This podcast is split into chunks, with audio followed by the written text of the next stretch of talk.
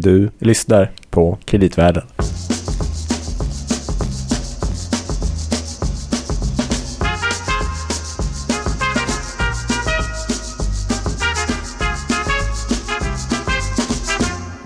Välkommen till Kreditvärlden, en av de första svenska poddarna om finansmarknaden eh, med ett särskilt fokus på just kreditmarknaden. Ni får gärna gå tillbaka till våra tidigare avsnitt om ni vill veta vad kreditmarknaden är. Det här är avsnitt nummer 19, som alltid med Louis Landeman. Och Gabriel Bergin. Det stämmer. Louis Landeman är chef för kreditanalysen på Danske Bank Markets. Och eh, vi kan börja med att säga att det är väldigt mycket som har hänt den senaste månaden. Eh, en av de mer intensiva månaderna på alla marknader, i alla fall i Europa, eh, på länge. Dels har den ryska krisen fortlöpt. Eh, den, vi fick se lite grann mer av det i, i morse när de nedgraderades till eh, så att säga skräpstatus, alltså WB plus av Standard Poor's. Vi har också eh, fått eh, besked från ECB, eh, Europeiska centralbanken, om att man genomför stödköp av statsobligationer, något som har spekulerats en hel del under hösten om, eh, vilket vi även pratade om i kreditvärlden. Ni får gärna gå tillbaka och lyssna när vi pratade bland annat med vår chefekonom Roger Josefsson om att det skulle kanske kunna hända och vad implikationerna blir av det. Eh, men en väldigt händelserik månad, eller hur Louis? Ja, absolut. Och sen har vi haft som grädde på moset fick vi den här överraskningsbeskedet från Schweiz centralbank också. Mm eh, som skakade om hela valutamarknaden. Som egentligen gör motsatt eh, åtgärd som... som eh, ja, det var lite intressant. Mm. Vi pratade ju med Stefan i slutet av förra året kring det här. Just det, vi hade Schweiz som ett exempel för vad Sveriges riksbank eventuellt skulle kunna hitta på. Ett valutagolv. Ja, exakt. Här... Vilket, eh, mm. sen trodde inte Stefan på det då kanske, Nej. i och för sig. Så att eh, mycket har redan hänt av det vi har pratat om för hela året. Bara på en månad så har vi haft val i Grekland. Mm en vänsterkoalition. Uh, och de här förhandlingarna blir väldigt intressanta att se. Och uh, ja, vad kommer hända? Vi får väl återkomma till Grekland troligtvis. Det tror jag kommer göra. Vi kan också passa på att tipsa om sista tipset. Jag lovar att vi gjorde faktiskt en podd om Grekland förra sommaren som ni kan lyssna på. Mm. Kanske vi hade fortfarande aktuell va? Mm, det tycker jag verkligen. Uh, men idag så, vi har ju pratat lite grann om aktiemarknaden. Vårt fokus är ju på krediter eftersom det är det som vi ägnar mest tid åt så att säga. Men vi vet att det är många lyssnare som också är intresserade av aktiemarknaden, kanske är främst intresserade av aktiemarknaden och breddar sig lite grann med vår podd. För vi har därför bjudit in eh, Mattias Sundling. Mm, tack så mycket. Ja. Välkommen. Tack, tack. Eh, Mattias är aktiestrateg också mm. på Danske Bank. Mm. Mm. Eh, hur länge har du varit det? I fyra år drygt. Mm. Vad, vad gör du? Min uppgift är att vara den som bestämmer hur vi ska se på konjunkturförloppet och hur, hur vi ska tolka konjunkturförloppet och eh, därmed också vinstförloppet. De två hänger ju intimt ihop. Och eh, sen vad vi ska ha för uppfattning om börsen och vilka sektorer vi tycker man ska vara över och underviktad i. Mm. Använder du så att säga bankens makroprognos rakt av eller har du en egen åsikt? Eh, nej, jag måste ju naturligtvis eh, ta till mig utav all expertis som finns inom banken. Eh, jag ska vara helt ärlig så har jag naturligtvis en egen uppfattning och det blir mer att vi uttrycker oss i, i termer av risker. Alltså, jag behöver inte, jag kan mycket väl tycka att vi, eller vi har ett väldigt bra makro och vi har bra prognoser men ur ett aktieperspektiv så kan man ju ha ett resonemang om att det kanske blir så men det mm. finns också en risk att det, någonting annat händer mm. och hur man ska agera på det. Särskilt om det har stor effekt på till exempel avkastning för en aktieinvesterare. Ja, precis. Vi pratade ju eh, i vårt förra poddavsnitt om utsikterna för kreditmarknaden i år och så var vi också inne på såklart att aktiemarknaden och vad som händer där, sentimentet är väldigt viktig även för oss. Mm. Um, då vore det intressant att Låt att höra ni på aktiemarknaden. Hur ser ni på 2015? Vi ser positivt på 2015 och då ska jag ju säga det att vi har ju varit positiva under en ganska lång tid nu. Jag har väl, eh, vi gick liksom, gjorde den stora omsvängningen i slutet på september 2011. Eh, och började vara positiv till börsen och övervikta aktier och sådär. Och eh, där har vi i princip legat sen dess. Jag har försökt mig på ett par perioder. När jag har varit lite orolig för olika saker så har vi varit defensiva. Men ska jag vara helt ärlig så det har, det har väl hänt ett par kvartal och det hade vi inte mycket för om man ska vara helt ärlig. Har ni någon typ av så här riktkurs för hela börsen? Hur mycket den ska stiga under året? Eller? Ja, vi, jag har sagt att jag tror att vi nordiska aktier kommer att gå upp ungefär 10% på kurs i år. Sen dessutom utdelning då, så det, det kan bli uppåt en 14-15% i totalavkastning på aktier tror jag. Vad var det vi spådde för de här lite säkrare obligationerna i investment grade? Det var eh, ju för inte 2015? så mycket. Nej, det var lite mindre än så va? Mm. Runt 2% kanske. Mm. Så att det är ju, det är ju en, eh, och det är ju en, vi hade ju strax efter krisen så avkastade obligationer väldigt mycket för att Mm. de hade fallit mycket i pris och man återhämtade sig så att säga. Men börsen, den har ju bara fortsatt med tvåsiffrig avkastning nästan varje år sedan krisen. Ja, eh, absolut. Och eh, det finns mycket att säga om det. Men vi kom ju också på börsen ur ett väldigt fördelaktigt värderings, Mm. eh, värderingsutgångspunkt. Så att under lång tid så var det ju liksom rimligt att motivera att börsen skulle gå upp bara utav det som vi kallar för multipel expansion. Att vi skulle, börsen skulle bli dyrare. Mm. Varför jag blev lite orolig sen mot slutet av eh, 2013 och, och sådär. Det var väl just därför att det bara var det som drev börsen. Mm. Eh, plus likviditet och sådana saker naturligtvis. Men någonstans i en återhämtning på börsen så ska man ju börja få stöd av att vinsterna växer. Och det som gjorde mig eh, mer orolig under perioden det var just det att vinsterna stod still. Eh, men varför det känns lättare att vara positiv nu det är ju ett viktigt skäl att nu för, i fjol kommer vi 2014 är ju inte klart än räkenskapsmässigt men eh, vi kommer att få vinsttillväxt i nordiska bolag. Mm. För Som första- inte bara är driven av kostnadsbesparingar eller? Ja, det är kostnadsbesparingar och det är valuta. Det är inte speciellt mycket försäljningsökning bakom det. Men strunt samma. Mm. Eh, för att det är i alla fall en vinsttillväxt. Vi- Alltså man ska komma ihåg att varje år under den här återhämtningen så har marknaden då tittat in i nästa år och tänkt att okej, nästa år då blir det 10-15 procents vinsttillväxt. Och sen har det blivit noll. Mm. Men i fjol så blir det inte noll utan då kanske vi får 6-7 procents vinsttillväxt tror jag. Mm. Och jag tror att vi får något liknande i år också. Mm. Så att eh, mm, eh, för i år då är då tesen att man kommer helt enkelt kunna fortsätta att spara lika mycket pengar så att det blir, eller vad beror tillväxten i år på då? På, på, I vinster? Mm. Ja, nej, men jag, jag tror att ehm, jag tror att vi får lite så kallad topline tillväxt. Alltså vi får lite försäljningsökning eh, Okej. i bolagen totalt. Men är inte konjunkturen väldigt svag? Då? jo, men man ska också komma ihåg att under den här perioden som har gått så har vi ändå, det har varit en förvånansvärd svag försäljningsökning. Därför att Mm. vi har i princip inte haft någon försäljningsökning alls som vi sa. Men vi har ju faktiskt haft BNP-tillväxt. Eh, Mm. Menar, om vi tar ett år som i fjol så växte ju Sverige, ja vad tror vi, 2-2,5 procent någonting i den stilen. Mm. Och eh, noll i försäljningsökning. Det är lite konstigt. Eh, så det, det vore faktiskt fullt, fullt rimligt tycker jag i alla fall att vi skulle få en försäljningsökning. Det är inte stora tal, 3-4 procent nästa år. För, eh, I år men 2015. Ja, förlåt mig, för 2015. Ja, det. precis. Mm. Eh, och ovanpå det då så ska man ju komma ihåg också att eh, det, det blir en väldigt stark effekt på marginalerna i bolagen om man bara får lite försäljningstillväxt. Eh, Mm. det, det är en väldigt stark hävstång bara på, på, på en ganska marginell försäljningsökning. Mm.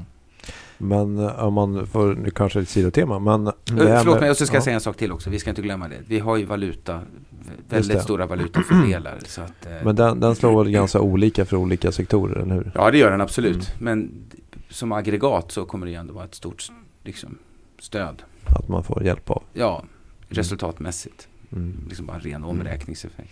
Nej, vad jag skulle fråga var företagens investeringar. Där ser man inga tecken på att de håller på att öka, eller gör ni det? Nej, eh, nej, det har ju varit en märklig återhämtning och det kan vi komma in när vi pratar om det långa, sen, långsiktiga resonemanget här. Men eh, det har varit en märklig återhämtning eftersom företagen har varit så otroligt försiktiga. Det har ju varit en japansk återhämtning kan man säga. Mm. Inga investeringar, väldigt försiktig med nyanställningar. Eh, är man optimistisk så kan man väl peka på att eh, i USA har du gjort det. Eh, och eh, USA är ledande och så vidare. USA leder konjunkturförloppet och det verkar rimligt att förvänta sig eh, att det skulle, tycker jag, bli lite investeringsökningar i Europa också. Och Mm. kreditcykeln vaknar till liv och med QE och sådana där saker. Mm. Och återigen, det är en lång period nu med väldigt, väldigt svaga investeringar. Vid någon punkt Mm. föreställer jag mig att det finns ett, man tvingas. Dessutom är bolagen jätteväl kapitaliserade som Mm. ni vet. Och, så. och ett sista argument för investeringar skulle möjligen kunna vara att vi har haft en ganska stark uppgång utav M&A aktiviteter alltså företagsköp, Mm. eh, sammanslagningar. Mm. Och det är ju en slags indirekt investering. Och den Mm. tror jag, jag tycker vi har hy hyggligt goda skäl att tro att den brukar också leda den vanliga capex eller investeringscykeln.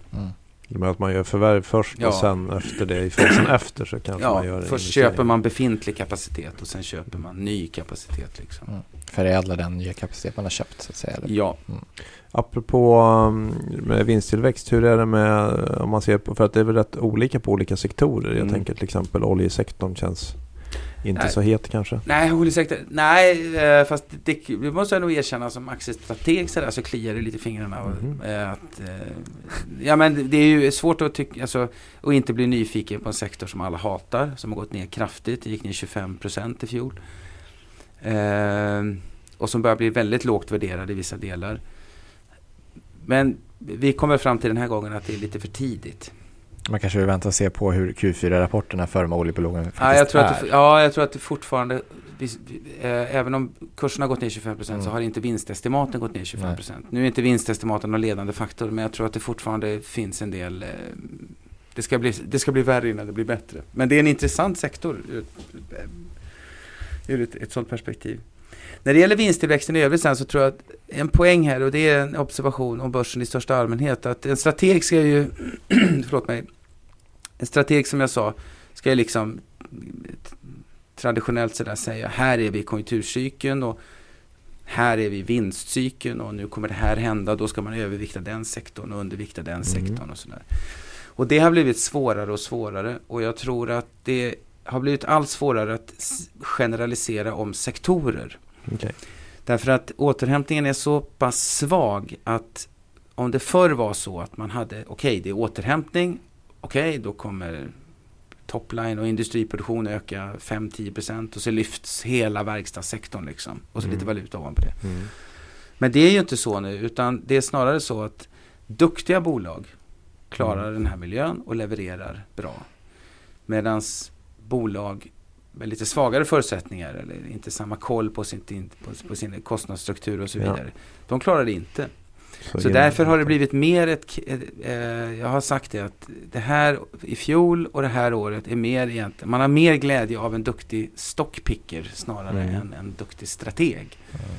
Det låter ju ganska likt vad vi har sagt om kreditmarknaden Mm. faktiskt. Verkligen. Det är en svårare miljö som man eh, måste vara mer noggrann med. Ja, man måste Man vara liksom extremt av noggrann. Mm. Eh, och bara som ett, ta som ett exempel att i fjol så var det då så att den gruppen av bolag, alltså om det är återhämtning, Mm. eh, då ska ju traditionellt det som kallas industrials, verkstadsbolagen ska ju Mm. gå bäst. De ska Mm. gå bättre än börsen. Det har de inte gjort. Gjorde inte det 11, gjorde inte det 12, gjorde inte det 13. I 14 gjorde de det, fast det är inte de bolagen som vi tänker på. Det var inte Sandvik, det var inte Volvo, det var inte SKF. Och det är inte så i USA heller där man faktiskt haft lite mer av en industriproduktions Nej, det har vi ju inte haft alls i Nej. Sverige. Det är ju en häpnadsväckande svag industriproduktion. Mm. Nästan förbryllande svag tycker jag. Börsen är väl liksom överviktad så att säga jämfört med ekonomin i sin helhet, industribolag. Eh, ja, svenska börsen är ju det. Ja. Eh, svenska börsen är, är ju extremt dominerad av verkstad och bank. Mm.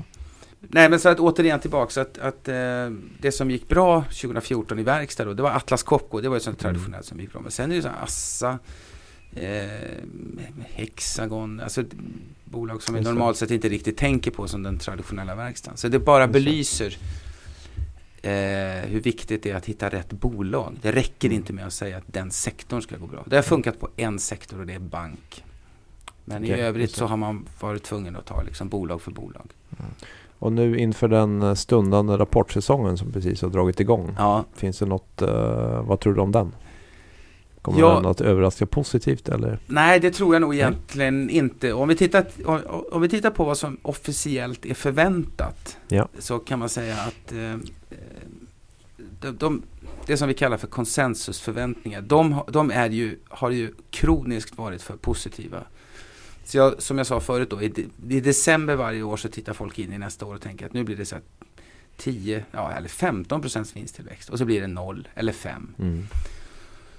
Och då kan man ju nästan börja fundera på om folk, om placerare verkligen tror på de där konsensusestimaten. Det tror jag inte att de Vi gör. ska säga vem, vilka gör de här konsensusestimaten Ja, det vi är ju, det, ja, just det, det. Då ringer man ju runt och frågar alla aktieanalytikerna. Mm. Men det, är- det är ju alltid ett historiskt mönster att aktieanalytiker är kroniskt överpositiva. Så är det ju. Mm. Även i ett vanligt konjunkturförlopp. Till skillnad Skönt från att du- aktiestrateger. Det är skönt att du bekräftade. Jo, men Utom Danske Banks aktieanalytiker. Ja, naturligtvis. Ja. Självklart. Nej men, eh, så inför Q4 då. Jag tror inte att Q4 skiljer sig så mycket ifrån andra eh, tidigare kvartal. Nämligen, jag tror att eh, det, eh, det normala just i fjärde kvartalet är faktiskt att man reviderar ner lite grann. Alltså att Mm. om vi trodde Mm.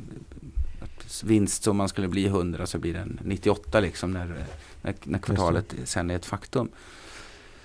Jag tror inte heller att bol... Eh, men, men resultatet i sig kanske inte är superviktigt. Och sen, sen eh, mot det finns ju valutaeffekter då Mm. som skulle kunna... Men Eh, de borde vara ganska lätta att räkna med i och för sig. ja, absolut. Men, men sen tillkommer ju då egentligen det som jag tror är det viktigaste, nämligen vad bolagen säger om framtiden. Mm. Deras guidance. Och jag tror inte att de kommer säga så mycket nytt. Därför att det har inte hänt så mycket om man tittar liksom Mm. på de här makroindikatorerna.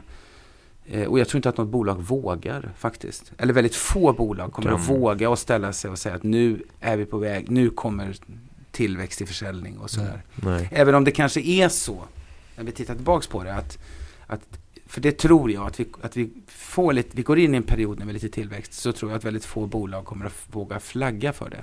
Mm. Men eh, för jag har tänkt på en grej. Det är väl sällan egentligen att de här, om det är någon konjunktur, att den eh, vänder upp och så. Det är sällan man ser det först i, hos bolagen egentligen. Alltså att de pratar om det. De brukar väl, prata, de brukar väl ofta bekräfta när man redan har sett eh, saker eller? Ja, I andra indikatorer att... Ja, jag bru- jag brukar ha som ett exempel om man tittar på ett typiskt förlopp, vilket man kanske ska vara försiktig med här då, men om man gör det så, så titta på SKF, går så här 30 år tillbaks i tiden, Mm. så är ju det klassiska förloppet att först börjar SKF-aktien gå, Mm. helt utan anledning till synes. Sen går det ett halvår, sen bottnar eh, KI-barometer Mm. eller vad det nu är för någon sån här PMI. Och sen går det ett halvår till, sen bottnar vinstestimaten. Mm. Så den bästa signalen, det är ju aktiekursen. Mm. Det är den bästa prognosmakaren. Mm. Det är bara Så i- snarare än bolagens egen guidance. ja, bolagens egen guidance ser jag. Den laggar, så att. Den tror jag laggar. Den är ett par ja. år efter det här vinstestimatet. Nej, nej, det vet jag inte när den kommer. Men, Det är ganska eh, utmanande Jag, att- jag gjorde faktiskt den jämförelsen med, med SKF är ju väldigt bra för att de gör ju så här guidance Mm. med pilar uppåt och Ja, neråt. just så jag jäm, jag vägde, vi vägde ihop det och jämförde det med KI-barometern till exempel. Mm. Och de var ungefär samtida. Okej. Mm. Så KI-barometern och SKFs guidance. Ja, så att det finns en liten eh, övertro eller vad ska man kalla det för? Sådär bland aktieanalytiker för vad bolagen säger. Vilket är naturligt för de Mm. lever ju hela tiden med att titta på bolagen och otroligt följer dem i detalj allt vad de säger liksom. Mm. Men eh, jag tycker nog man kan lika gärna titta på KI-barometern. Mm. Men ditt jobb är med andra ord att vara liksom ett halvår före den här aktiekursen också helst. Absolut. Mm. Det låter ganska utmanande. Ja. Vi lämnar det där kanske. Men en sån Vi grej får väl då, återkomma i slutet Ja, på året och så får vi helt enkelt se Absolut. om det Ja, ja, så. ja, ja. Mm. Nej men om man tän- tänker då, det, det, det som blir viktigt för dig kanske också, det är liksom lite långa eh, förloppet och vad som händer liksom på lite längre sikt. Ja, det långa förloppet, där har jag ju funderat ihjäl mig precis som Det är alla nu andra. det, det, är som- nu det blir jobbigt. Ja, precis. Fast också roligt. Ja. Eh, man kan säga så här, om jag får göra en liten utsvävning, att eh, när finanskrisen började i augusti 07 så tänkte jag mer som en magkänsla än som, som, en, som en uttalad spaning, liksom, att det var väldigt likt Sverige och finanskrisen. Mm.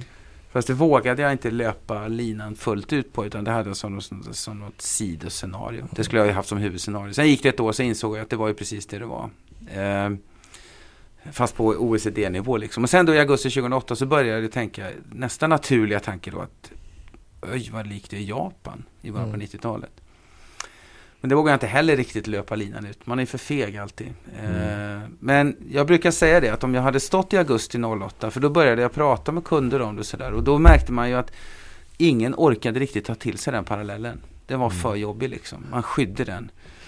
Eh, men hade jag stått i augusti 08 och sagt jag vet att i januari 2015 så kommer alla styrräntor i princip att vara noll eller negativa och alla långa räntor kommer att vara 1 till 1,5 procent. Så, och inflationen kommer att vara noll. Då tror jag att de flesta hade sagt att herregud, det är ju Japan. Mm. Så vi vill inte riktigt ta till oss det. Så, så det är en stor och svår diskussion om det långa perspektivet och var vi är någonstans. Men det är ofrånkomligen så, vilket också har varit vår spaning, att det ser ju ut som vi driver ner långsamt i någonting som ändå ser väldigt Japan-likt ut. Mm.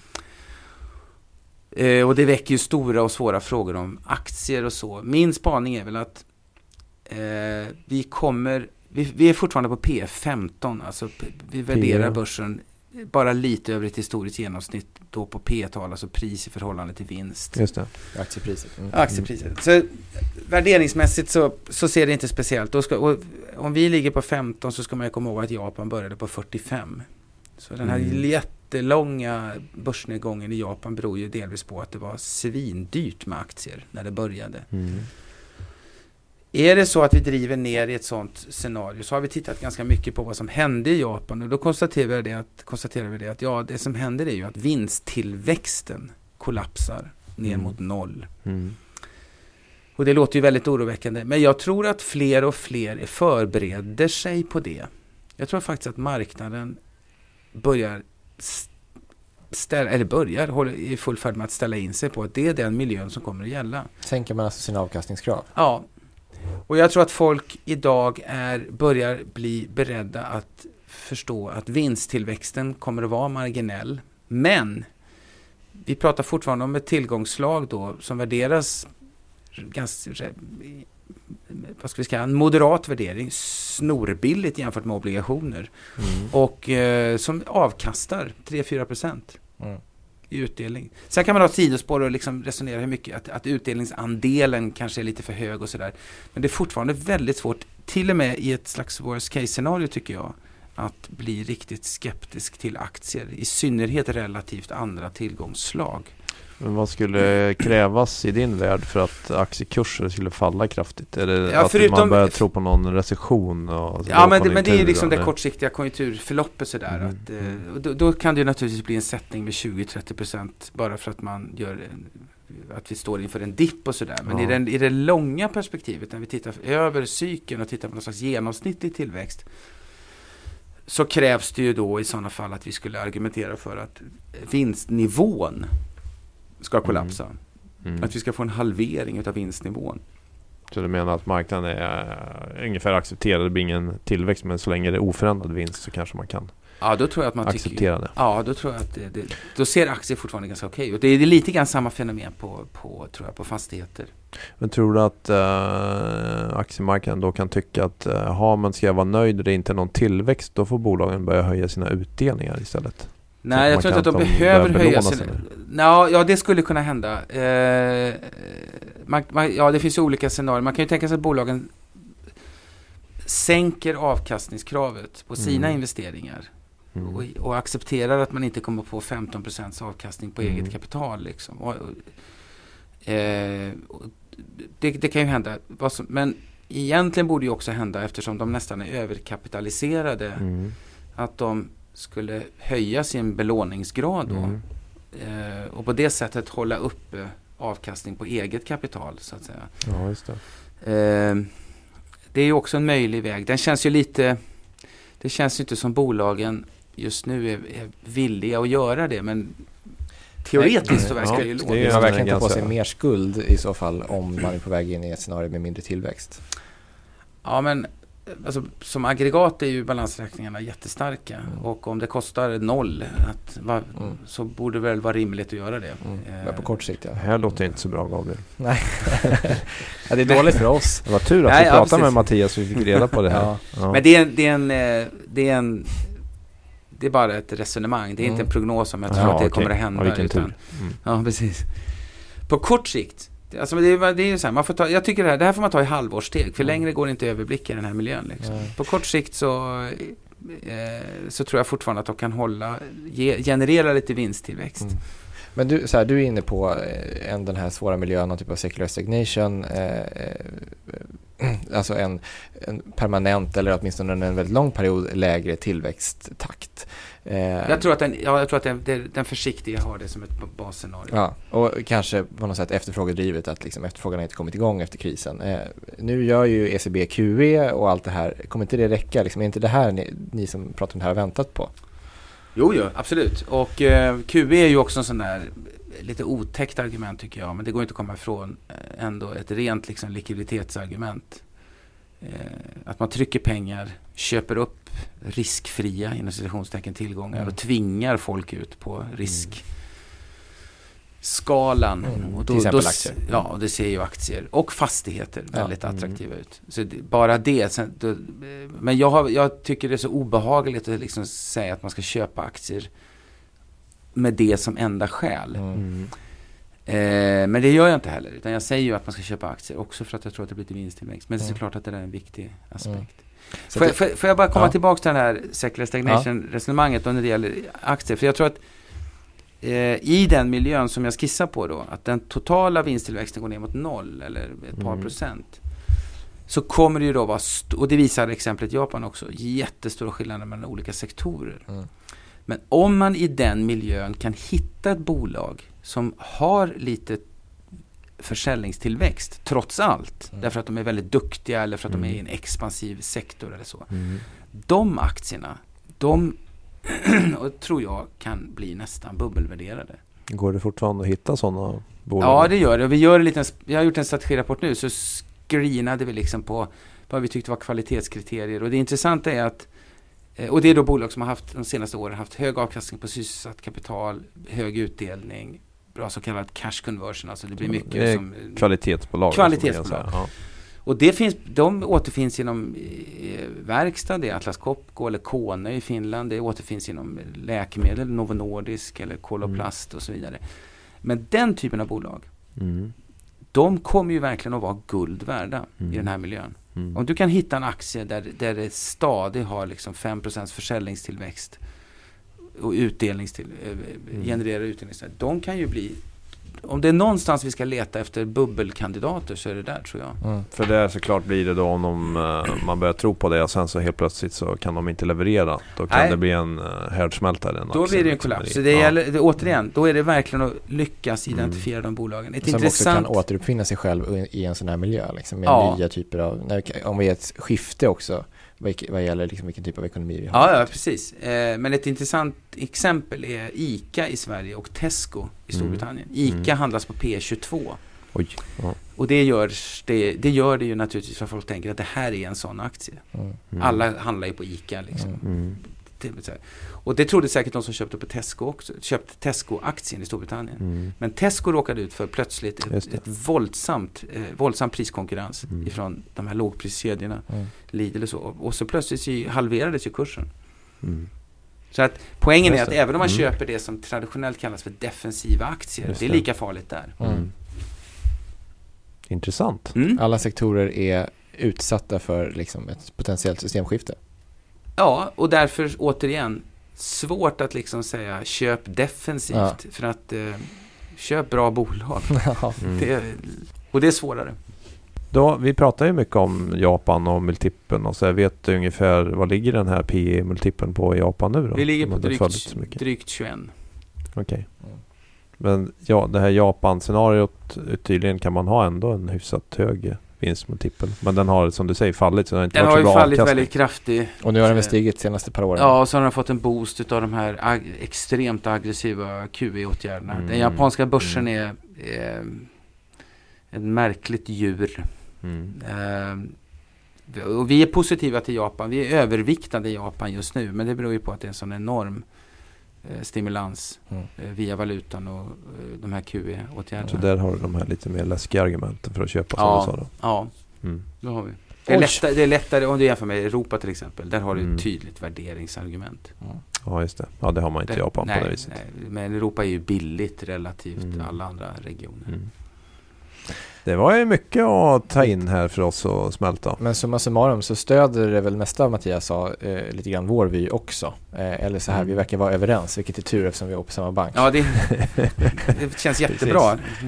Och betydelsen av att välja rätt bolag i en svårare miljö Ja, Exakt. är vi väldigt överens om. ja. Så är det. Eh, det blir helt enkelt ett spännande år. Härnäst eh, så är ju det här med Grekland väldigt spännande så försök hålla ögonen på det. Mm. Vi ska bara avsluta lite grann med, eh, hur ser din, eh, så här, vi försöker ju, vi har ju en bred palett av lyssnare så vi tänkte att vi skulle försöka ge lite inblick också. Vi har försökt ge i vår vardag, men hur ser din vardag ut Mattias? Vad gör du liksom största delen av dagen? Men vi Eh, tänkte inte på fritiden så mycket utan mer... Nej. Det kan vi ta sen efteråt. Mm. Eh, nej, men precis som ni så ägnar jag ju säkert hälften av min tid eller mer åt att prata med kunder och Mm. träffa kunder. Och den andra hälften så ska jag ju försöka tänka ut något smart. Mm. Jag tillbringar mycket tid med att följa makroförloppet naturligtvis. Jag tillbringar mycket tid med att prata. Det är lätt att missa det, men jag ägnar ganska mycket tid åt att prata med aktieanalytikerna. Mm. Det, det Som sitter bredvid runt omkring Ja, de sitter bredvid mig. Men inte, inte, vi, har, vi har ju aktieanalytiker i Oslo, och Ja. Köpenhamn och, och Helsingfors. Och vi har inga aktiestrateger i eh, Oslo eller Helsingfors. Så det är lite mer av en utmaning. Men ett, i mitt uppdrag ingår också liksom att försöka hålla ihop det här. Så att när en kund träffar oss så ska min helhetssyn rimma liksom med aktieanalytikernas rekommendationer. Så det gäller ju att Mm. he- att, att, att aktieanalytikerna tycker att det jag säger och tycker är rimligt och, Mm. och hänger med på det. Mm. Man kan inte ha sälj på alla bankaktier om du säger att banksektorn kommer gå bra. Nej, nej, nej. eh, Inte på alla. Nej, Helst inte. Helst inte. nej då blir det jobbigt. nej, men det, det, det är sån, en sån situation kan ju uppstå, men det ska inte uppstå det här, Nej. för då måste vi snacka ihop oss. Ja. Där måste vi snacka ihop oss. Eh, då får en vika sig, för det blir tokigt. Liksom. Spännande. Mm. Mm. Mycket.